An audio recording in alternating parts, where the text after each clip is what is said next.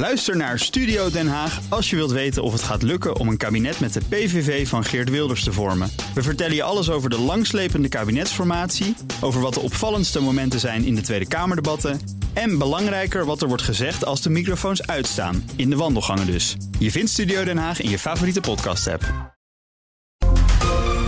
Heb jij de BNR-app al? Met breaking news in de podcast De Stijlpastoor. Download de app en blijf scherp. BNR Nieuwsradio. De wereld. Bernard Hammelburg. Welkom bij het beste binnenlandse programma over het buitenland. Straks, Oekraïne kan alleen succes behalen in de oorlog als het Westen met echte veiligheidsgaranties komt. Dat vindt oud-ambassadeur Robert Serry. Maar nu eerst, ruim een jaar was de levering van F-16's onbespreekbaar voor Joe Biden. En nu zijn Oekraïense piloten en mechaniciens aan het treden. Is hulp aan Oekraïne een soort driebanden-biljart? De gast is Bart Groothuis, Europarlementariër namens de VVD in de Renew Europe-fractie. Welkom. Goedemiddag. Goedemiddag. Um, zullen we het eerst even hebben over de kandidatuur van uh, Wopke Hoekstra als uh, eurocommissaris? Zo u wenst. Ja, ja, uh, dit is wat oud-Kamervoorzitter Frans Wijsglas erover zei in het BNR-programma Breekt. Ik had het allerliefste op die positie gezien, uh, Diederik Samsom. Niet in de eerste plaats omdat hij lid van de Partij van de Arbeid is. Hij was de kabinetschef, zeg maar, de, de, uh, een van de hoogste ambtenaren bij, bij Timmermans. Volledig ingewerkt. Ja, het gaat om een jaar, laten we dat niet vergeten. En Samsom, die, die, die had van zijn ja. eigen kamer naar de kamer van Timmermans aan de, aan de andere kant van de gang kunnen verhuizen. En met het werk kunnen doorgaan. Ja, Samson is de rechterhand van Timmermans geweest, heeft een uitstekende naam, kent de portefeuille klimaat en milieu is geen ander. Was dat, uh, uh, meneer Groothuis, niet een, uh, inderdaad een wat voor de hand liggende keus? Nou, daar ga ik niet over, daar gaat het, de regering over. Maar wat ik wel zie is dat er veel consternatie is over, uh, over Hoekstra. Ik sluit mijn ogen niet over wat ik in de krant lees en uh, op de radio hoor hier. Maar tegelijkertijd is het wel zo dat veel mensen zich wel bedienen van oneigenlijke argumenten. Want Hoekstra heeft niet meer of minder klimaatervaring dan Timmermans toen hij begon. Nee, Laten we dat nee, ook vaststellen. Ja, Timmermans en, wist eigenlijk alleen een heleboel van geopolitiek, maar ja. van klimaat. En dat was niet zijn zijn kracht. Voilà, en nu uh, krijgt hij een hearing hè, in ja. het parlement, en daar ben ik ook onderdeel van.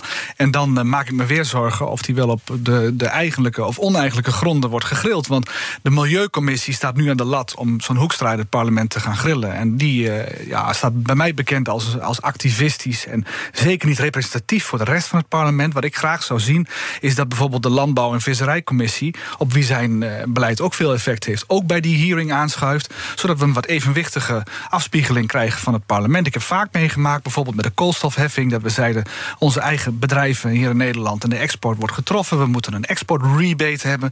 De Milieucommissie stemde dat unaniem weg. In het gehele parlement in Straatsburg haalde twee derde meerderheid. En zo zie je dat de, de Milieucommissie op zich niet een goede afspiegeling vormt van het Europese volk. En dan wil ik Hoekstra een eerlijke kans geven, het ja. belang van Nederland meenemen. Ik sta daar verder neutraal in. Ja, hij heeft wel een stempel van goedkeuring van uh, Ursula von der Leyen. Um, dat, dus dat is toch ook belangrijk. Ik neem, ook, ik neem aan dat het ook voor het parlement wel belangrijk is om rekening mee te houden. Zij, zij is voor. Ik heb ook de indruk dat zij er ook wel voor heeft gepleit, maar dat weet ik niet helemaal zeker. Nou, in alles wat je in, in Brussel doet, is er een balans nodig tussen de grote politieke facties. Dus de, de liberalen, de socialisten en de, zeg maar de christendemocraten. En zij behoort tot de christendemocraten. Ja. Belangrijke stem dus. Dus zij heeft daar een belangrijke stem in. En zij vindt dat de balans daarin is, uh, negatief is voor de christendemocraten. Ik denk dat vooral de balans negatief is voor de liberalen. Dus wij zullen daar de komende jaren ook uh, voor ons weer zorgen dat wij goede posities moeten krijgen. En zo'n positie van Hoekstra, ja, dat weegt ook weer mee voor, voor ons dat wij weer betere posities krijgen in de toekomst. En daar moeten we ook afspraken over maken, denk ik. Ja, en uw eigen fractie Renew Europe, is die, begrijp ik nu dat die ook een beetje verdeeld is over wel of niet? Of is die, uh, heeft hij een gezamenlijk standpunt? Het liberale huis in, in, in, Brussel kent vele kamers en verdiepingen. D66 en VVD zitten daar samen in één. Uh, de, zetels tellen, anders kun je geen macht en invloed uitoefenen. Dus voor de VVD is het heel erg belangrijk dat we voldoende massa hebben om onze idealen te verwezenlijken. Maar er wordt wel eens verschillend gedacht over zaken. En ja, er zit een wat uh, links-progressieve en wat gematigd conservatieve vleugel. En allebei zitten ze daar. En die denken vaak verschillend over zaken. Zoals de Natuurherstelwet, waar wij kritischer waren dan anderen. Ja, en, uh, en dat zal zich nu ook uit. Dat zal zich nu ook uh, uit. Nog, nog even. Um, is het nou zo pijnlijk als we een eurocommissaris krijgen die geen vicevoorzitter is? Want ik heb altijd het idee dat dat vicevoorzitterschap, ja, het is zo verschrikkelijk veel, stelt dat nou ook weer niet voor. We hebben er heel veel van, hè? We hebben heel veel vicevoorzitters. En die zijn allemaal heel belangrijk, maar het is wel zo, als het te veel worden, dan verwatert het. Dus ik zou daar zelf niet te zwaar aan tillen. Ik til wel, wel zwaar aan wat voor een portefeuille Nederlandse commissarissen krijgen en hoe zwaar die is. Ja. Dat is belangrijk. Ja. We gaan het zien. En uh, natuurlijk is voor ons een, uh, een, Het is een groot verhaal omdat het voor Nederland belangrijk is. Maar de Europese Commissie uh, en het parlement hebben momenteel wel andere zorgen aan hun hoofd. Met bovenaan Oekraïne. Wat is uw beeld over het verloop van de oorlog? Um, een processie van Echternach. Twee stappen voorwaarts, één stap terug. Maar ik denk dat de, de, de beeldspraak die um, de minister van Buitenlandse Zaken van Oekraïne zelf gebruikte, de slag rondom Monte Cassino, misschien ook wel een aardige kan zijn. Die heeft in de Tweede Wereldoorlog, op het einde in 1944, is dat vier maanden lang belegerd ja, door de geallieerden. Met, met, mega verliezen aan geallieerde kant. En toch gewonnen. En toch gewonnen. En ja. twee dagen voor die day werd Rome al bevrijd. Ja. En wat de Oekraïners hier zeggen is: pas maar op, let maar eens op wij uh, zullen succes hebben, vertrouw ons daarop. Maar dan ik moeten ze dus ook bereid zijn om die mega-offers te brengen. En als je kijkt naar, u zult het hebben gezien, de New York Times kwam met cijfers. Die zegt daarbij, we weten niet of het helemaal accuraat is. Schatting dus, 70.000 doden en 120.000 gewonden aan Oekraïnse kant. Dat is ontzettend veel. Maar aan Russische kant 120.000 doden en 180.000 gewonden. Het, het is, en de Russen hebben drie keer zoveel manschappen. Ja, maar de helft van het Russische leger is weggeslagen. En ik wil niet zeggen dat uh, Oekraïne wint, maar Rusland verliest wel veel. En dat is denk ik de goede, goede richting waar we op gaan. Iedereen zoekt naar een, uh, ja, naar een doorbraak. Ik ook. Maar ik denk wel dat we, ja, we gaan het zo hebben over tempo. Daar zit het. We zitten in de opbouw van de Oekraïnse strijdkrachten. We zijn te langzaam met het geven van groot zwaar materieel om een doorbraak te forceren. Ja. Uh, wat hoort u van uw Oekraïnse contacten over die gruwelijke aantallen offers? Want ik neem aan dat dat onderwerp ook wel ter sprake komt. Ja, zij gebruiken eufemismes zoals we are digesting Russian aggression. wij, wij, verteren die agressie, die is er sowieso. De volgende keer verteren jullie dat. Kijk maar eens hoe wij dat doen. Maar wij, wij voeren jullie oorlog en ik ben het daar met ze eens. En eh, wat, wat ze nodig hebben is gewoon luchtoverwicht... om eh, te zorgen dat ze gewoon minder verliezen leiden, minder doden worden... en dat deze oorlog sneller tot een einde kan komen. En het, wat we ook nodig hebben is meer productie van militair materieel en munitie. De einde van de Sovjet-Unie is vooral ingeleid dat het militair-industrieel complex van het Westen uh, by far het Sovjet-complex overklaste. En dat besef bij Gorbachev in het Kremlin, dat was echt drijvend, is nu ook wel bekend, van wij stoppen hiermee. We stoppen met deze waanzinnige uh, Koude Oorlog en we gaan over nou, tot... Ik herinner me, Gorbachev was er ook wel eerlijk over, want die zei als we even de kernwapens vergeten, want ja. daar is een soort pariteit, zullen we maar zeggen. Ja. Maar op, op, voor de rest zijn we, stellen wij niet zoveel voor vergeleken bij, dat, bij die enorme supermacht. Voilà. Ja. En dat moeten we nu ook laten zien met onze productie van munitie, productie van defensieindustrie, hem ruim overklassen. En al, op het moment dat, dat die calculatie verandert, kunnen we ook zeggen we gaan ja. uh, de winst in. U, u hebt uh, de afgelopen tijd veel mensen gesproken uh, in Oekraïne. Wat is het opvallendste wat ze u vertellen? Um, het opvallendste wat ze vertellen is dat zij onze oorlog natuurlijk strijden. En dat, daar, herinneren ze ons continu aan. En de kosten voor ons zijn maar heel gering. Hè. En dat is natuurlijk ook zo. De Verenigde Staten geven 3% van hun defensiebudget. En ze hebben de helft van het Russische leger weten te, te, te decimeren. Dat is een ongelooflijk resultaat. De bang for the buck, zeg maar. Daar, daar zeggen, hebben ze het vaak over. Die is gigantisch. Dus um, ik denk dat we ook met die calculatie um, door moeten gaan. En dat, dat, zien de Oekraïners goed. Ja. En waar zijn ze goed in? Behalve dan dat ze moedig zijn en heel slim zijn in het gebruik van de middelen die ze uh, hebben ontvangen, gekregen. Hun eigen middelen trouwens ook. Maar wat doen als u zegt ze doen iets heel goed, wat is dat dan? Nou, dat doen ze heel goed. We gaan straks nog even praten over allerlei denktanks die ik gesproken heb de afgelopen zomer. En in vrijwel alle sessies van, van die denktanks, en dan kom ik zo op uw vraag, zijn er vaak Chinezen in de zaal. En die Chinezen ja. die stellen eigenlijk maar één vraag altijd. Of het nou in Washington is, of in Parijs, of in Klingendaal in Nederland. Die stellen vaak de vraag van, hoe zit het met het moraal? Waarom willen die Oekraïners zo graag hun land verdedigen? Wat is daar aan ten grondslag? Dus de Chinezen zijn aan het vergelijken. Waar komt die, de Oekraïnse wil om zich te verzetten vandaan? En dat projecteren ze natuurlijk op Taiwan. Ja. En dus die wil om zich te verzetten, ja, dat, dat springt boven alles uit. En ik denk dat we daar ook wel aandacht aan moeten besteden. Ze zijn geen zin van plan om op te geven. Ook niet als er een, straks een soort van unpeace komt, een soort van settlement komt van dit conflict. En kun je het vergelijken met Taiwan? Want dat is toch dat is een eiland. Eh, de, de, de Chinezen hebben laten zien dat als ze in actie komen dat het waarschijnlijk gewoon een omsingeling is. Uh, een blokkade, zeeblokkade, dan kun je niet meer zoveel. Uh, ja, er zijn twee scenario's waarover gedacht wordt. Ja. Eén is een blitzkrieg, dat de Chinezen in een dag alles overnemen en een volledige overmacht eh, op het eiland projecteren. De andere is een blokkade, waarmee ze langzaam uh, Taiwan afsnijden van de rest van de wereld. En er is geen consensus over of zo, wat nou een logische strategie nee, is. Al, alleen ook Xi Jinping zal kijken naar wat er in Oekraïne gebeurt en in Rusland. En die, de, de Russen wilden ook een blitzkrieg. Zo makkelijk is dat niet. Hè? Maar als je, als je vecht tegen een volk met een enorme wilskracht en dat zijn de Taiwanese ook. Dat is niet zo simpel. Nee, dit moet ook denken aan eh, de, de, de, Arabische wereld die zich afvroeg van waarom was Israël zo succesvol in 67, 76. Die ging zich afvragen waar komt die moraal vandaan? Zo'n klein land, volledig outnumbered door de, de, de Arabische wereld. Het is hun moraal en dat, daar zit het hem in. Overigens denk ik dat de Taiwanese daar nog veel te leren hebben van de Oekraïners. Als ik even heel uh, scherp mag uh, zijn. Maar, maar dan vooral toch rekening houden met een militaire optie. Die... Ja, absoluut. En wat, wat het is, het is niet te vroeg of zo om hierover te, of prematuur om hierover na te denken. De verschillen en overeenkomsten tussen Taiwan en Oekraïne. Het is echt op tijd. De dreiging is daar. Het is wel zo, de Amerikaanse contacten waar ik mee spreek, die zien het veel meer als een tweede Oekraïne. een strijd tegen autoritaire regimes, waar Europese denkers veel meer zeggen van... nou, weet je, we kijken even naar Macron, die heeft gezegd van... nou, we willen niet in een oorlog geslopen worden. De Duitsers die steeds verder investeren in China... daar zitten wel verschillende belangen achter. Maar waar we wel mee eens zijn, is dat afschrikking bij Poetin niet heeft gewerkt... en dat we die fout niet weer mogen maken bij Xi Jinping. Nee. Dus Xi Jinping zal niet uit boosheid of als reactie op het Westen... Taiwan binnenvallen. Wat hij wel zal doen, is dat hij optimisme voelt. Van ik kan dit snel, gezond, snel afronden... en dat optimisme moeten we succesvol, continu succesvol ondermijnen. Dus we moeten publiek gaan praten over wat voor consequenties heeft de inval voor eh, de Chinese uh, economie bijvoorbeeld en de, de militairen als ze het proberen. En publiekelijk bedoel ik ook mee in Brussel. Daar zal ik ook mijn best voor doen om steeds vaker het komende jaar deze discussie aan te zwengelen. Wat zijn de consequenties voor China? Bijna dat hun economie net zo afhankelijk is van ons als die van ons van hun, dat die verschrompelt. En da daar gaat het om dat we duidelijk maken dat het optimisme van, van Xi Jinping volledig ondermijnd wordt. Oké, maar begin dan met het te erkennen. Want dat doen we niet. Nou, de Britten hebben het gisteren gedaan. Ja, ja. Nee, maar het gaat erom dat we langzamerhand uh, toegaan naar een situatie waarin we afschrikking, zowel militair, dus ook kijken naar de drones die uh, Oekraïne nu uh, bijvoorbeeld heel succesvol inzet de afgelopen dagen, dat, we, dat, dat Taiwan daarvan leert. Daarmee kun je een significante, geavanceerde wapensystemen toch treffen.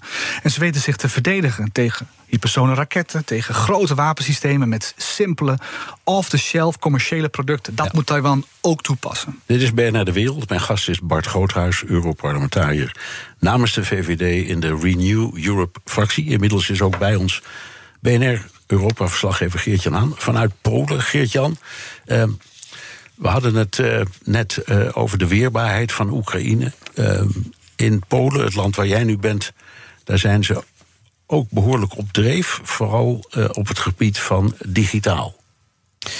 Ja, ze proberen natuurlijk op uh, alle borden te schaken en hun verdediging op orde te hebben. En een daarvan is de ja, digitale weerbaarheid.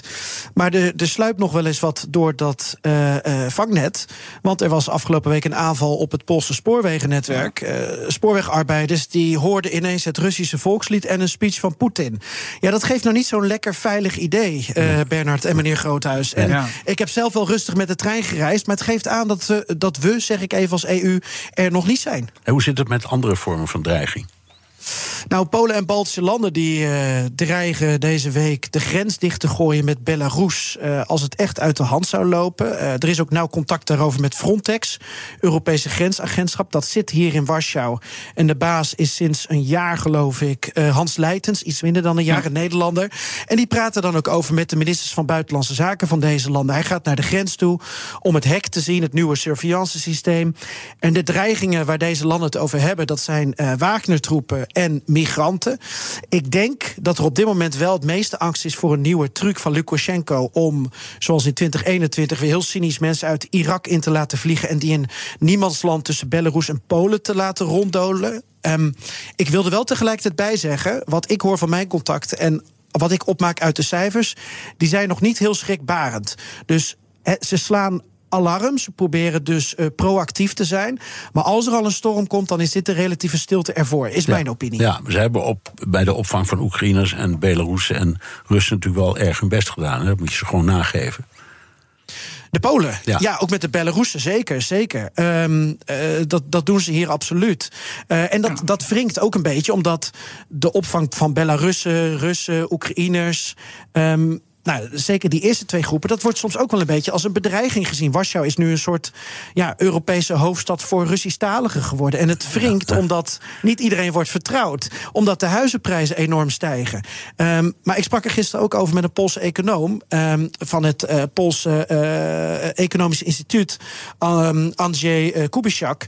En die zegt: we hebben ze ook nodig, die mensen. Want we vergrijzen in Europa, Polen voorop, en rekenen maar op dat er een heleboel blijven uit Oekraïne uit Belarus. Want Rusland blijft aan die landen, landen grenzen. Dus ook als er vrede is, Bernard, ja. zullen veel mensen in Polen blijven. Ook in Nederland, denk ik. En dan moet je ze gaan omarmen. Je moet een andere mindset gaan hebben, omdat een land als Polen eeuwenlang een emigratieland is geweest. Nu moet je accepteren dat je een land bent dat aan grootschalige immigratie doet. En niet alleen omdat je nobel opstelt, maar ook uit bittere noodzaak voor je eigen economische groei, voor de verzorging van ouderen, voor het onderwijs, et cetera. Speelt allemaal mee. Ja, meneer Groothuis, uh, is, is dit een besef dat leeft ook in Brussel? Ja, maar ook ja, wat Polen doet. Maar nog één, op het vorige blok nog even één uh, link maken. Kijk, wat Polen is voor Oekraïne, is Japan straks misschien wel voor Taiwan. Het opvangen van vluchtelingen, het eerste, in de eerste klap uh, de meeste steun geven, militair meedoen, het, de grote vuist maken in de regio. Dat is een heel belangrijk land. Dus Polen en Japan hebben veel gemeen. Maar Polen doet veel voor de EU, maar Polen zeilt ook heel scherp aan de wind. En niet alleen als het gaat om de rechtsstaat, waar ze grove misvattingen hebben, maar ook wel als het gaat bijvoorbeeld om de graandeal, ze een verkeerde misvatting maken. Ja, ja, ja, verkeerde ja. inschattingen maken. Daar zijn ze tegen omdat ze vinden dat het hun eigen prijs ondermijnt. Ja. Een beetje kortzichtig binnen ja. de EU. Zou knijpen, ze, knijpen ze Oekraïne economisch af en dat is niet de manier hoe je een oorlog vindt. Nee, hoor, hoor, je daar ook veel dingen over, Geert-Jan? Praat je daarover, over die graandeal met uh, de mensen die jij daar ontmoet? Ik ben deze reis alleen maar in de grote steden geweest. Poznan, Gdansk en uh, Warschau. Dus dan is het niet gelijk nee. een vraagstuk. Maar ik hoor het natuurlijk wel. Uh, alleen het is een, een te ingewikkelde materie voor de mensen in de stad. En voor de boeren die het aangaat, ja, die vinden dat natuurlijk van wel. Um, maar ja, uh, weet je, als we er een beetje doorheen prikken. Uh, er staan ook verkiezingen voor de deur. Dus uh, dat er partijen, partijen zijn die zeggen Polen voor de Polen, dat, dat is dan evident. Ja, en dat gebeurt eigenlijk in elk land waar verkiezingen zijn. nou. Uh, meneer Groothuis, uh, het doet er iets opmerkelijks voor. Iedereen is het erover eens dat Oekraïne te traag en te weinig wapens en munitie krijgt. Ja. Ja. Uh, de vraag is eigenlijk. Het zijn eigenlijk twee vragen. De eerste is deze: waarom acteert Joe Biden in slow motion. He, eerst zet hij zich zowat een jaar tegen F-16's en plotseling mag het. Wat, wat, is hier aan de hand? Dan laten we eens teruggaan naar het begin. En uh, het begin betekent een intelligence failure. Hm. Zowel van de Europeanen, maar ook van de Amerikanen. Dat we eigenlijk. Uh, was, er was vrijwel consensus over. Oekraïne zou zich een aantal dagen misschien stand kunnen houden, maar dan was het klaar. Een aantal weken hooguit. Er zou een guerrilla komen hooguit. Maar niet het grootschalige verzet wat we nu zien. Eigenlijk heeft geen inlichtingendienst, geen regering heeft ingeschat dit gaat het worden. De minister van uh, Financiën in Duitsland heeft gezegd... Uh, eerst uit weg in, in, ja. in Dreistoen is het klaar. En hij heeft ongelijk gekregen. Dus als je dat als uitgangspunt neemt... en daarnaast de, de dreiging, de nucleaire dreiging... die eenzijdig is ervaren, namelijk in het Westen en niet in Rusland. Ook, het zijn allemaal lessen straks voor Taiwan, wat we hier noemen. Dat, zijn, dat, zijn, dat zijn niet de goede manieren om om te gaan met zo'n dreiging. Wat je moet doen is denk ik veel meer het zelfvertrouwen... maar ook de dreiging veel meer de andere kant ook laten Van, die, is, die, is, die is mutually, die is wederzijds. Ja. En, en, en de druk opvoeren op regimes die te optimistisch worden... om te denken dat ze zo'n zo slag kunnen slaan. Ja, hetzelfde als wat in Washington speelt, speelt eigenlijk ook in Brussel. Hè. Er zijn landen, Nederland is een voorbeeld van... die er nu wel stevig op het gaspedaal drukken... maar anderen die staan op de rem. Um, parlement is nu akkoord gegaan met uh, de levering van meer munitie. Ja. Half miljard euro. Uh, waarom vliegen de artilleriegranaten nog niet met honderden van de band?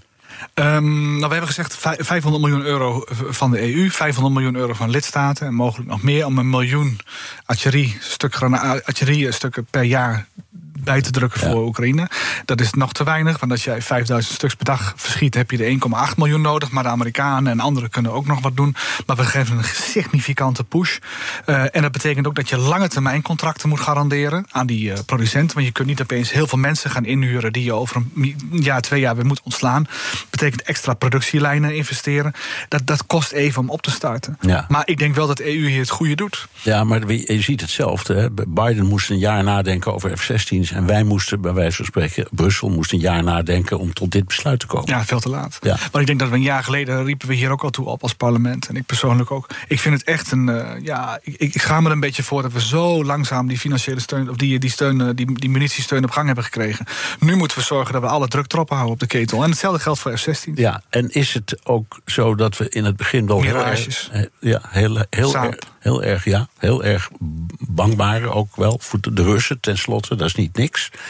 En dat we langzaam tot het besef komen, ja, dat kan allemaal wel wezen. Maar de enige manier om het op te lossen is echt met zware wapens. Anders lukt het niet. Voilà. En, um, en het luchtoverwicht, laten we dat vooral maar zeggen. Dat, dat, zijn ook zware wapens. Ja, maar het luchtoverwicht is wel echt significant. Dan kun je ook gemechaniseerd optreden zoals de NAVO dat doet. Dan heb je over de horizons schiet, schietcapaciteit. Je kunt uh, echt goed verdedigen. Je kunt optrekken. Je kunt uh, gemechaniseerd optrekken over een land wat nu nodig is. En ik denk wat nu ook nodig is, dat is een, een tweede ding wat we denk ik recentelijk echt ja, waar we nog te weinig aan doen, is bijvoorbeeld ja, um, onbemande voertuigjes om al die landmijnen op te ruimen. Want je kunt geen vooruitgang hebben met tienduizenden landmijnen op een gebied wat vele malen zo groot is als Nederland. Als Oekraïne wil optrekken en het terug wil veroveren, zullen die landmijnen moeten worden opgeruimd. Daar zijn goede middelen voor. Die zijn onbemand. Europa heeft die technologie. Ook daarvoor zijn lange termijn orders nodig, grootschalig. En daar zie ik Europa nog niet bewegen. Daar gaan we de komende maanden ook fors druk op zetten in ja, Brussel. Het lijkt me een soort ei van Columbus, dit verhaal. Je moet eerst, als je iets wil terugveroveren, moet je daar met je voeten en met je rupsbanden op kunnen. Ja, als je het op de grond niet beheerst, dan beheers je het niet. Je kunt het, eh, in de lucht kun je het veroveren. Het beheersen gaat op de grond. Oké. Ja. Dit is allemaal, dit, hele verhaal, in de laatste seconde die we hebben, dat is eigenlijk een navrante manier om de vraag te stellen. Maar dit gaat nog heel lang duren. Ik vrees van wel. Maar als je op lange termijn plant, is het het snelst voorbij. Ja. Dus als je op lange termijn, van een lange termijn oorlog plant, dan eh, gaat de calculatie in Kremlin veranderen. Ja. Dus, dus dat betekent het, het, al dat opstarten en het toestemming geven en het maken van productiemiddelen, dat vreet tijd, maar dat mag, want dat, uiteindelijk win je terug in kwaliteit en overwicht. Ja, we moeten Rusland isoleren, we moeten van onze gasverslaving af, dat is gelukt. En nu moeten we onze eigen defensie zodanig versterken dat ze weten, zij gaan het nooit winnen, we geven het op. Oké. Heel hartelijk dank. Uh, Bart Groothuis, fijn dat u uh, weer uh, naar de studio wilde komen. Europarlementariër namens de VVD in de Renew Europe-fractie. En uiteraard dank aan Geert-Jan Haan, onze Europa-verslaggever vanuit Warschau. Ook Diana Matroos vind je in de BNR-app. Ja, inderdaad. Je kunt live naar mij luisteren tijdens de Big Five. Ook handig in de BNR-app. Breaking nieuwsmeldingen, maar ook het allerlaatste zakelijke nieuws. En je vindt in de app alle BNR-podcasts, waaronder Wetenschap Vandaag. Download nu de gratis BNR-app en blijf scherp. Blijf scherp. BNR Nieuwsradio. De wereld. Bernard Hammelburg. Poetin heeft baat bij een lange oorlog in Oekraïne. Dat zei Jaap de Hoop Scheffer in BNR's Big Five. Hij zal uh, baat hebben bij het uitzitten van de Amerikaanse presidentsverkiezingen. Daar, daar gaat uiteraard een campagne aan vooraf. En als je naar de Republikeinse partij kijkt, niet alleen naar Trump overigens, die, uh, dat lijkt er toch uh, nu wel op, de nominatie zal krijgen in de Republikeinse partij. dat ook andere potentiële Republikeinse presidentskandidaten, niet allemaal overigens, maar potentiële kandidaten, hebben gezegd: ach ja, dat Oekraïne, wat Biden daar doet met de massale politieke en financiële steun, daar zijn we helemaal niet voor. En ooit zal de oorlog in Oekraïne eindigen, maar het is een illusie om te denken dat dat door vrede zal gebeuren. Dat denkt Robert Serry, voormalig ambassadeur in Oekraïne. Hij is net terug van een reis van twee maanden in Oekraïne en nu hier in de studio. Welkom. Fijn dat u, fijn dat u er bent. Um, na uw uh, ambassadeurschap bent u terug blijven gaan naar uh, Oekraïne, onder andere om te helpen. Maar voordat we daarover gaan hebben, en uiteraard krijgt u uitvoerig de gelegenheid. Wat ziet u in Oekraïne van de oorlog? Als ik daar ben, dan zie je, ja, je merk je niet direct iets van de oorlog. In de zin dat ik natuurlijk niet dicht bij het front geweest ben. Maar bijvoorbeeld, eh, dagelijks gaan, gaat de sirene wel af. Ja. Eh, is, er een, is er een luchtalarm? En uh, dat is uh, in, in Kiev uh, nog niet zo verschrikkelijk. Want eigenlijk weet je dat Kiev vrij effectief verdedigd wordt door het, door het Oekraïnse luchtafweersysteem. Maar als je buiten Kiev komt, en dat heb ik ook wel meegemaakt, bijvoorbeeld in Odessa, hè, tijdens mijn laatste reis, toen die transfiguratiekerk is aangevallen, toen heb ik een nacht niet geslapen en eigenlijk alleen maar in de, in de kelder van het hotel ben ik geweest. Ja. Um, u, u, weet wat de oorlog is. Ja. Door uw hele carrière door heeft dat op de een of andere manier vaak een rol gespeeld. En toch, eh, hoe was dat? Want dat is een beetje de frontline situatie daar in Odessa. Eh, en kreeg u ook vandaar een beetje een kijk op hoe het aan het front is? Ik vind het altijd heel moeilijk eigenlijk uit te leggen aan, uh, aan ook nu onze, onze luisteraars. Want als je het niet zelf hebt meegemaakt, het gekke in Odessa is. Ik, ik geef u maar, maar even dat voorbeeld. De volgende dag ben ik natuurlijk gaan kijken naar, uh, de, naar de inslagen. Dat was niet alleen die Transfiguratiekerk, maar ook uh, drie historische gebouwen die, die getroffen waren, in puin waren. Mensen waren er al bezig om de hulpdiensten te helpen met het ruimen van het puin. Ja. en tegelijkertijd, op de hoek van de straat, voordat ik dus zou terugkeren per auto naar, eh, naar Kiev, vonden we een restaurant waar ik een voortreffelijke bief, bief Sturkenhof uh, heb gegeten. Ja, dus dat is het gekke. Het leven gaat ook tijdens oorlog gewoon door. Dat merk je ook. Ik herken het. Ik heb uh, ook een aantal oorlogen meegemaakt. En uh, ik heb in, in Saigon ja. buitengewoon aangenaam op het terras koffie te drinken. Dat is allemaal waar. Nou, deze oorlog duurt nu anderhalf jaar. wat doet dat met het moreel van de Oekraïners? Ik vraag het omdat ik, ik nou. las een stuk dat er toch ook wel een hoop mensen proberen eronder uit te komen. En, en met briefjes van de dokter. En ik kan eigenlijk niet naar het front, begrijpelijk natuurlijk. Maar hoe is het in het algemeen? Nou ja, die, kijk, de, die, die oorlog die nu al bijna anderhalf jaar duurt. Natuurlijk eist die nu zijn tol ook voor, hè, voor de bevolking. Als je elke dag sirenes hoort en s'avonds vaak niet kunt slapen en die oorlog gaat maar door, dan merk je dat mensen daar moe van worden. Dat is, dat is gewoon zeker zo. tegelijkertijd, elke inslag in, een, in, een, in een flatgebouw of in een stad zal de bevolking ook alleen maar weer ervan overtuigen dat ze, dat ze geen andere keuze hebben dan, dan door te vechten. Dus het is, je, er is zeker sprake van, uh, van, van een toenemende moeheid, vermoeidheid, hè, als nu het zo lang duurt. Maar ik heb nog niet echt uh, gezien dat er binnen de gemeenschap stemmen opgaan dat, dat, zij, dat, dat de oorlog maar eigenlijk beëindigd moet worden. Eigenlijk het tegendeel. Het tegendeel, ja. ja, ja. Um, u bent uh, er niet alleen maar heen gegaan om te kijken, u steekt ook de handen uit de mouwen. Waarmee? Ja, dat is uh, vroege reconstructie. Kijk, als een oorlog zo lang duurt als deze. Uh, dan, dan help je de zelfredzaamheid van de mensen. Om bijvoorbeeld de flatgebouwen die, uh, die, die kapotgeschoten zijn. En vaak is het het dak. En als het een flatgebouw is dat hersteld kan worden, dan moet dat nu hersteld worden. Dan moet je niet wachten totdat deze oorlog is afgelopen. Je helpt dan ook de lokale economie. Je helpt de terugkeer van uh, vooral van IDP's, internally displaced persons, en soms ook van vluchtelingen van buiten. Dus als Open Door Ukraine, dat is een Nederlandse stichting waar ik zelf bij betrokken ben, zijn we ongeveer een jaar geleden begonnen met het eerste flatgebouw in Irpin. Dat was ook tijdens mijn eerste bezoek vorig jaar aan uh, Oekraïne toen die oorlog is begonnen. Nou, dat flatgebouw, daarvan hebben wij dat dak keurig hersteld en ook de façade. En inmiddels zijn we al betrokken bij zo'n twintig projecten, waarvan zes ook in Irpin, maar nu ook elders in. in Oekraïne. En we doen tegenwoordig ook niet alleen flatgebouwen, maar ook ook hospitaals uh, hebben, uh, scholen hebben we dus uh, zitten in ons, in ons programma. En dat doen we eigenlijk, dat wil ik ook wel even nog benadrukken. We, eigenlijk zijn we gewoon begonnen met crowdfunding. En ik wil ook iedereen danken die he, dus de, de, Open Door Ukraine hiermee geholpen heeft. En ik hoop ook dat ze ons zullen blijven steunen. Maar het is niet alleen meer mogelijk met crowdfunding. Inmiddels hebben wij dus ook geld gekregen, wat meer geld ook van Oxfam bijvoorbeeld. En ook van Stichting Vluchteling.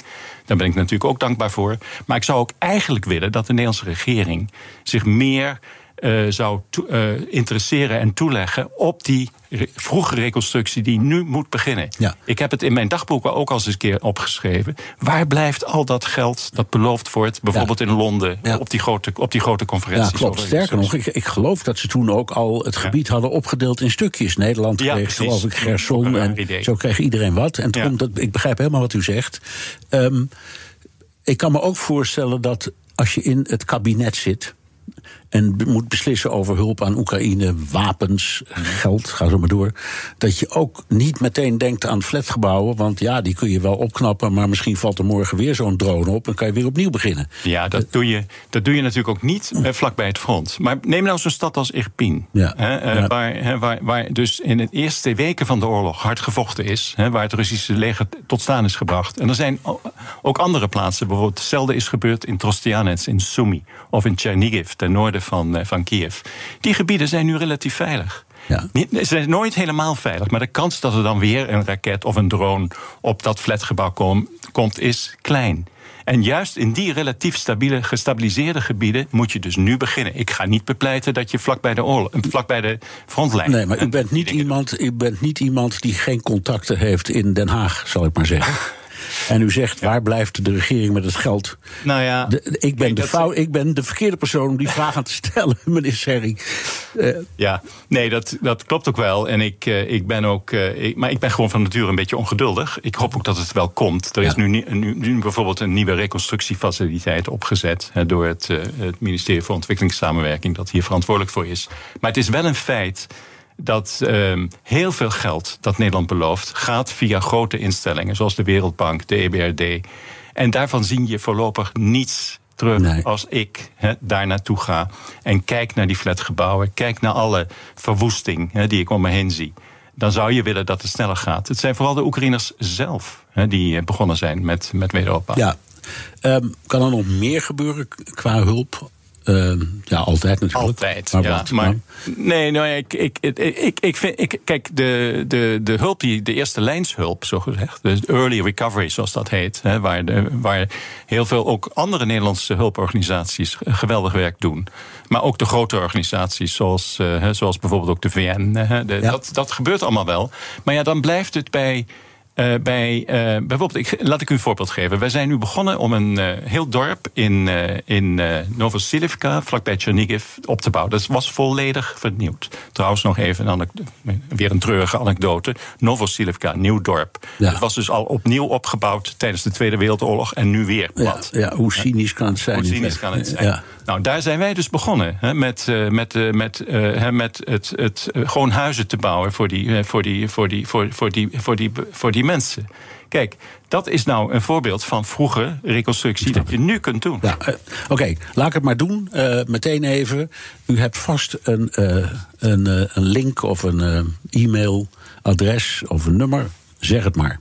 Dat is www.opendoorukraine.nl. Oké. Okay www.opendoorukraine.nl. Dit is BNR De Wereld. Mijn gast is Robert Serri, voormalig ambassadeur in Oekraïne. Het kost tijd. Het is, eh, we zijn in, voor de zomer hebben we gezegd... we gaan die trainingen beginnen. Nou, die zijn inmiddels begonnen. Nu hebben we onlangs de toestemming ook van de Amerikanen gekregen... om daadwerkelijk te gaan leveren. Nou, dat kan pas als de trainingen zijn afgerond. Als zowel de vliegers als het technisch personeel er ook mee kunnen omgaan... en er ook mee kunnen vechten. Dus niet alleen maar het kunnen onderhouden... maar weten hoe ze het in de praktijk moeten gebruiken. Dus dat kost tijd. Oekraïners zijn daar ook realistisch in. Dus het is niet een gamechanger voor de oorlog aan het front nu. Maar het is wel uh, in die zin ontzettend relevant. Omdat de krijgsmacht, de Oekraïnse krijgsmacht, daarmee daadwerkelijk wordt versterkt. En het is eigenlijk ook een investering in de toekomst. Ook vanuit Nederland en, en de andere bondgenoten. Dat was demissionair minister van Defensie Kasia Ollongren in BNR's Big Five. Over de levering van F-16's. Um, meneer Serri, de steun van het Westen gaat steeds een stapje verder. Hoe kijkt u naar de, de militaire steun van de NAVO-lidstaten? Ik wil het absoluut niet bagatelliseren, maar het komt steeds te laat. Ik heb dat al heel vaak gezegd. Ik heb, ik heb het al in uh, december gezegd, toen, het begon met de, met de tanks. Um, en wat je nu ziet, is uh, we zijn nu ook ongeduldig aan het worden over dat uh, Oekraïnse tegenoffensief. Maar daar moeten we eigenlijk niet zo verbaasd over zijn. Want de, de wapens die daarvoor nodig zijn, die werden steeds heel traag geleverd. En dat is tot op de dag van vandaag het, uh, het geval. Ook weer met die, met die F-16's. Ja, ja ik, ik heb zelf al een paar keer gezegd... heb je het gevoel dat Joe Biden met één voet op het gaspedaal staat... en met een andere ja. voet op de rem. Dat is een hele goeie. Waarom zou dat zo zijn? Dat is weer die angst voor Poetin, denk ik. Kijk, de, de Oekraïners zelf hebben geen angst voor Poetin en voor zijn bommen. Nee, maar die hebben, oh, dat klinkt vreselijk. Die hebben geen andere keus. hebben geen keus. Wij, hebben, wij wel. Ja. En, uh, en, wij, en, en dat verklaart ook, de, vrees ik, de behoedzaamheid. En waardoor we steeds een stap te laat zijn. Maar dan stel ik wel de vraag wat eigenlijk de strategie van het Westen is. Ja. Want we zeggen wel dat we Oekraïne zo lang zullen blijven steunen als nodig is. Maar als je uh, die hulp, met name dus die, die, die, die kritieke uh, militaire hulp, dus niet op tijd komt, dan verleng je de oorlog. En ik denk niet dat dat in ons en in Oekraïns, en zeker niet in Oekraïns belang is. Dus een, om een simpel voorbeeld te nemen, Joe Biden heeft nu ja gezegd tegen F-16's. Dat had hij ook acht maanden geleden kunnen ja. doen. En dan hadden ze al gevlogen inmiddels. Precies. Hetzelfde geldt voor lange afstandswapens, tanks, noem het allemaal maar op. Ja. Um, als het eerst niet gebeurt en uiteindelijk toch. En Biden en ook Europa is dus klaarblijkelijk na veel gedram toch bereid om grotere risico's te nemen. Waar komt die omslag dan door? Ja, ik denk dat die omslag komt omdat men wel beseft dat als men het dan niet zou doen, uh, die, die steun die we, die, we, die we hebben toegezegd, dat we die dan ook niet waarmaken. Maar wat ik dus uh, gewoon niet zie, een beetje in dit westerse beleid, is een eind van die oorlog. Hoe zien wij, hoe wordt deze oorlog nu eigenlijk, eigenlijk ik, ik, ik, draai meteen om, hoe ziet u hem? Nou ja, ik had dus. Uh, ik, ik, ik, ik hoop nog steeds dat de Oekraïners erin zullen slagen om uh, het huidige tegenoffensief, dat zich dus vooral richt op het zuiden, om een Brest te slaan daar in verdedigingslinies die natuurlijk zeer omvangrijk zijn geworden, omdat al die wapens zo laat kwamen. ik hoop dat ze dat nog steeds zullen kunnen doen voor, voor, voor oktober. Maar, en, maar dan zou er wellicht ook een situatie kunnen ontstaan dat er gesproken kan worden over een beëindiging van de oorlog. En ik, ik wil daarbij ook zeggen dat een beëindiging van de oorlog betekent geen vrede. Die vrede tussen Rusland en Oekraïne kunnen we wel honderd jaar vergeten. Ja. Het, het zal een koude oorlogssituatie zijn die, die ontstaat. Ja, Koreaanse oplossing. Precies. Zoiets? Zoiets, ja. ja. En met een demarcatielijn. Een demarcatielijn en hoop ik niet eentje van uh, 1200 kilometer... zolang als de afstand tussen Amsterdam en Madrid zoals die nu is. Ja. Vandaar dus dat die Oekraïnse doorbraak zo belangrijk is in het okay, zuiden. Maar als je dat voorlegt aan welke westerse leider of minister van Buitenlandse Zaken ook... dan is het antwoord stevast, ja, daar gaan wij niet over... daar gaan de Oekraïners zelf over. Dat klopt. Natuurlijk gaan zij er in eerste instantie zelf over. Met name ook over de vraag wanneer die oorlog beëindigd uh, zal worden. Maar we weten tegelijk tegelijkertijd, daar hebben we het nu net al over gehad, dat Oekraïne niet zonder ons kan. Nee. Dus als, we, als die wapens niet op tijd komen, dan wordt die oorlog verlengd. en dat kan alleen maar Poetin. Dat kan waar, maar dan in het, in het beste geval dan hebben we eh, Oekraïne geholpen aan een wapenstilstand, een beetje een Koreaanse situatie, Mhm. waarbij ze toch een deel van hun land kwijt zijn. Ja. Het is niet anders dan. Mhm. Nou, dan kun je dat deel, dat West-Oekraïne, kun je misschien lid maken van de NAVO. Je kunt andere dingen doen. Uh, maar uiteindelijk wint Rusland. Nee, dan zeg ik niet dat Rusland wint. Want, nou ja, even... als Oekraïne niet terugkrijgt wat is veroverd. Nou ja, kijk, ik vind ook zeker niet dat wij ooit Oekraïne voor het, het blok zouden moeten zetten. Dat ze dat, dat, ze dat gebied zouden moeten uh, opgeven, zouden moeten erkennen dat het, uh, dat het niet meer van hun is en dat dat Russisch wordt. Dat ja, maar is u bent een, u bent een ervaren diplomaat. Waar ja. ligt nu de scheidslijn tussen, uh, laten we zeggen, het objectieve vermogen van een diplomaat om een situatie te beoordelen en de feitelijke waarheid zoals die zich gaat ontwikkelen?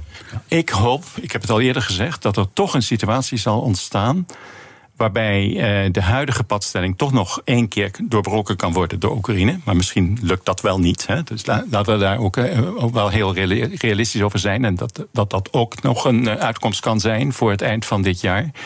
Maar aan elke oorlog, dat heb ik ook als uh, crisisdemocraat natuurlijk geleerd, komt een einde. meestal als de mutually hurting stalemate ontstaat. Beide partijen zien geen zin meer in voortzetting van de oorlog. En dan komt er in ieder geval wel een staakt het vuren. Ja. Dat, op dat moment moeten wij klaar zijn als, als het Westen om Oekraïne dan de veiligheidsgaranties te geven die, uh, die een herhaling dan van die oorlog vrijwel onmogelijk gaan ja, maken. En is NAVO-lidmaatschap één van? Dat is, het NAVO-lidmaatschap is er één van. Het, het, is de beste en ook zelfs voor onszelf, en dat moeten Nederlanders wel aanspreken, waarschijnlijk de goedkoopste. Ja, ja je, je geeft ze alleen maar een certificaat van lidmaatschap, bij wijze van spreken. Ja. Maar uh, je, je, bent wel gebonden aan uh, de, het reglement. En dat zegt dat wanneer er één Russische laars vanuit dat bezette gebied of veroverde gebied op het Gebied komt, dan heb je een artikel 5 situatie. Ja. Dan zitten wij plotseling in een oorlog met Rusland. Ja, dat is zo. Uh, maar het is nou juist dat uh, waardoor dat artikel zo, zo, uh, zoveel waard is. Want dat, dat zal Poetin dus ook snel niet meer doen. Kissinger heeft het trouwens ook gezegd ja. onlangs. Hè. Nou, die, is, die, die kwam is, eerst al heel helemaal... snel met uw oplossing, zal ik maar ja, zeggen, met die ja. Koreaanse oplossing. En daarna zei hij, ze moeten wel lid worden van de NAVO. Ja, omdat hij ook inziet dat als Oekraïne lid wordt van de NAVO, dat Poetin zich wel tweemaal zal bedenken om inderdaad die laars en dan op dat deel van Oekraïne, wat wij dan erkennen hè, als door, door Oekraïne volledig gecontroleerd. En waar, waar, waar, onze veiligheidsparaplu zich dan toe gaat uitstrekken. Ja. Er is dan wellicht nog gebied dat niet is verheroverd. Dat hoeft Oekraïne niet op te geven, vind ik. Hè, want dat zou helemaal indruisen tegen het internationaal recht. Hè. Maar dat komt dan wel in de toekomst aan de orde. Ja. Maar het wordt een lange koude oorlog. Ja. Koude vrede. Hoe lang wachten we in Korea al? Vanaf 1953. Ja, ja, ja. maar ik, ik, ben ook heel, wat dat betreft niet optimistisch over, uh, over, de, over de toekomst van Europa. als het gaat om de, de relatie met Rusland. Oké, okay. het is uh, een somber, maar ongetwijfeld realistisch beeld. Dank Robert Serri, voormalig ambassadeur in Oekraïne. Postma in Amerika.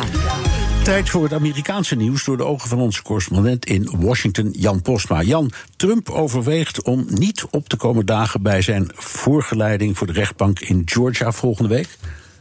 Ja, CBS uh, Nieuws meldt dat. Dat zou de eerste keer zijn dat Trump niet bij zijn eigen voorgeleiding komt. Uh, bij die andere drie strafzaken was hij er wel. Maar ja, in Georgia gaat het ook ietsje anders dan op die andere plekken. Trump uh, heeft zich daar natuurlijk al gemeld. En hij mag dan het, het voorgeleiden ook via de camera virtueel doen... of het gewoon helemaal overslaan.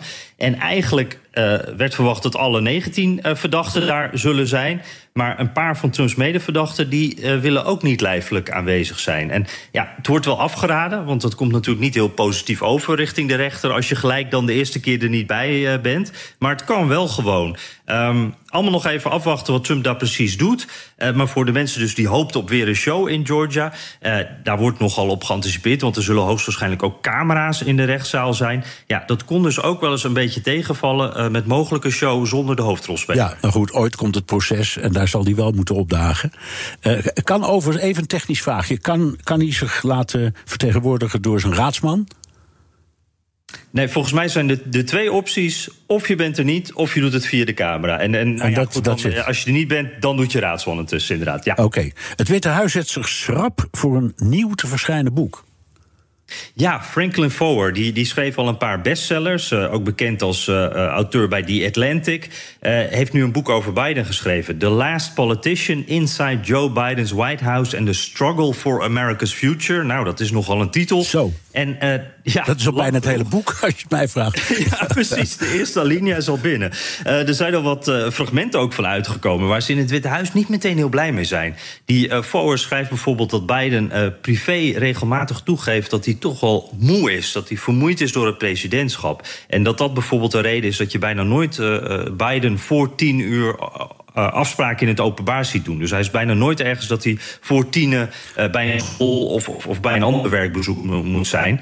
Um, en dat is natuurlijk allemaal een beetje onhandig voor Biden. Want zijn leeftijd is een heel belangrijk onderwerp, ja. deze verkiezingen. Eigenlijk het belangrijkste. Hè? En dat is nu dus iets wat in dat boek juist uh, benadrukt wordt. En ook bijvoorbeeld de aftuigtocht uit Afghanistan komt voorbij. Hoe Biden vasthield daaraan en op een bepaald moment zegt... ja, of die critici zijn gek, de media zijn gek, of ik ben het. Nou, het was gisteren uh, twee jaar geleden... en de beelden van die chaos waren hier weer overal te zien. Echt een smet op uh, Bidens presidentschap. Dus dit boek, het is allemaal wat genuanceerder dan die boeken uit de Trump-jaren. Hè. Dit is geen Fire and Fury, maar uh, Biden zal er niet naar uitkijken. Nee. Gezondheid van de Republikeinse senaatsleider Mitch McConnell staat weer ter discussie. Hij viel alweer stil tijdens een persmoment. Ja, dit, dit, dit was een heel curieus moment. En, en het is al de tweede keer in een maand tijd. Um, hem werd gevraagd wat zijn gedachten zijn over zich opnieuw verkiesbaar stellen. En dan zegt hij eerst dat hij het niet verstaat. En daarna zegt hij, ja, uh, mijn gedachten over wat? Uh, en daarna krijgt hij een glazige blik en, en, blijft het heel lang stil totdat de medewerker ingrijpt. Uh, nou, dit is halverwege het fragment en, en, inclusief die hele lange ongemakkelijke stilte. What are my thoughts about what? Running for re-election in 2026. Oh.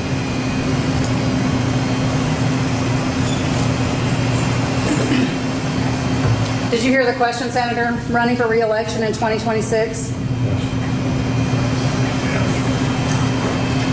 All right, I'm sorry, you all. We're going to need a minute. Ja, heel ongemakkelijk moment is dit, wat natuurlijk overal gedeeld wordt. Uh, McConnell's kantoor zegt, ja, hij, hij werd een beetje licht in zijn hoofd. We gaan wel even langs de huisarts, dus die bagatelliseren het een beetje. Maar dit is dus de tweede keer. En een paar maanden geleden was McConnell al een tijdje uit de running... omdat hij was gevallen. Uh, en ja, je ziet wat voorzichtigheid nog bij de meeste Republikeinen. Maar de Trump-vleugel die roert zich natuurlijk al. Uh, die zeggen al deze man moet weg, hij kan dit werk niet meer doen. En dat hoor je achter de schermen toch ook wel steeds meer dat die vraag wordt gesteld. Want McConnell is 81. Um, het is natuurlijk een, een, een, ja, een fragiele oude man, zien we de laatste maanden vooral. Eh, eh, maar ook de langzittende senaatsleider ooit, de, de machtigste republikein in de Senaat. En ja, het is toch moeilijk om daar tegen op te staan, blijkt. Maar, Ja. maar hij wankelt, Ja, letterlijk en letterlijk en figuurlijk, ja. Eh, bij het eerste Republikeinse debat greep Ravik Ramaswamy de aandacht. En nu heeft hij daardoor ruzie met een rapper. Ja, Ramaswamy, hè, die jonge biotech-investeerder, miljardair ook, brak een beetje door tijdens het eerste debat. Eh, tegelijkertijd zou ik mijn geld trouwens nog niet op hem zetten, maar dat tezijde. Eh, hij probeerde tijdens de Iowa State Fair ook wat op te vallen door te rappen. En toen deed hij een stukje Eminem.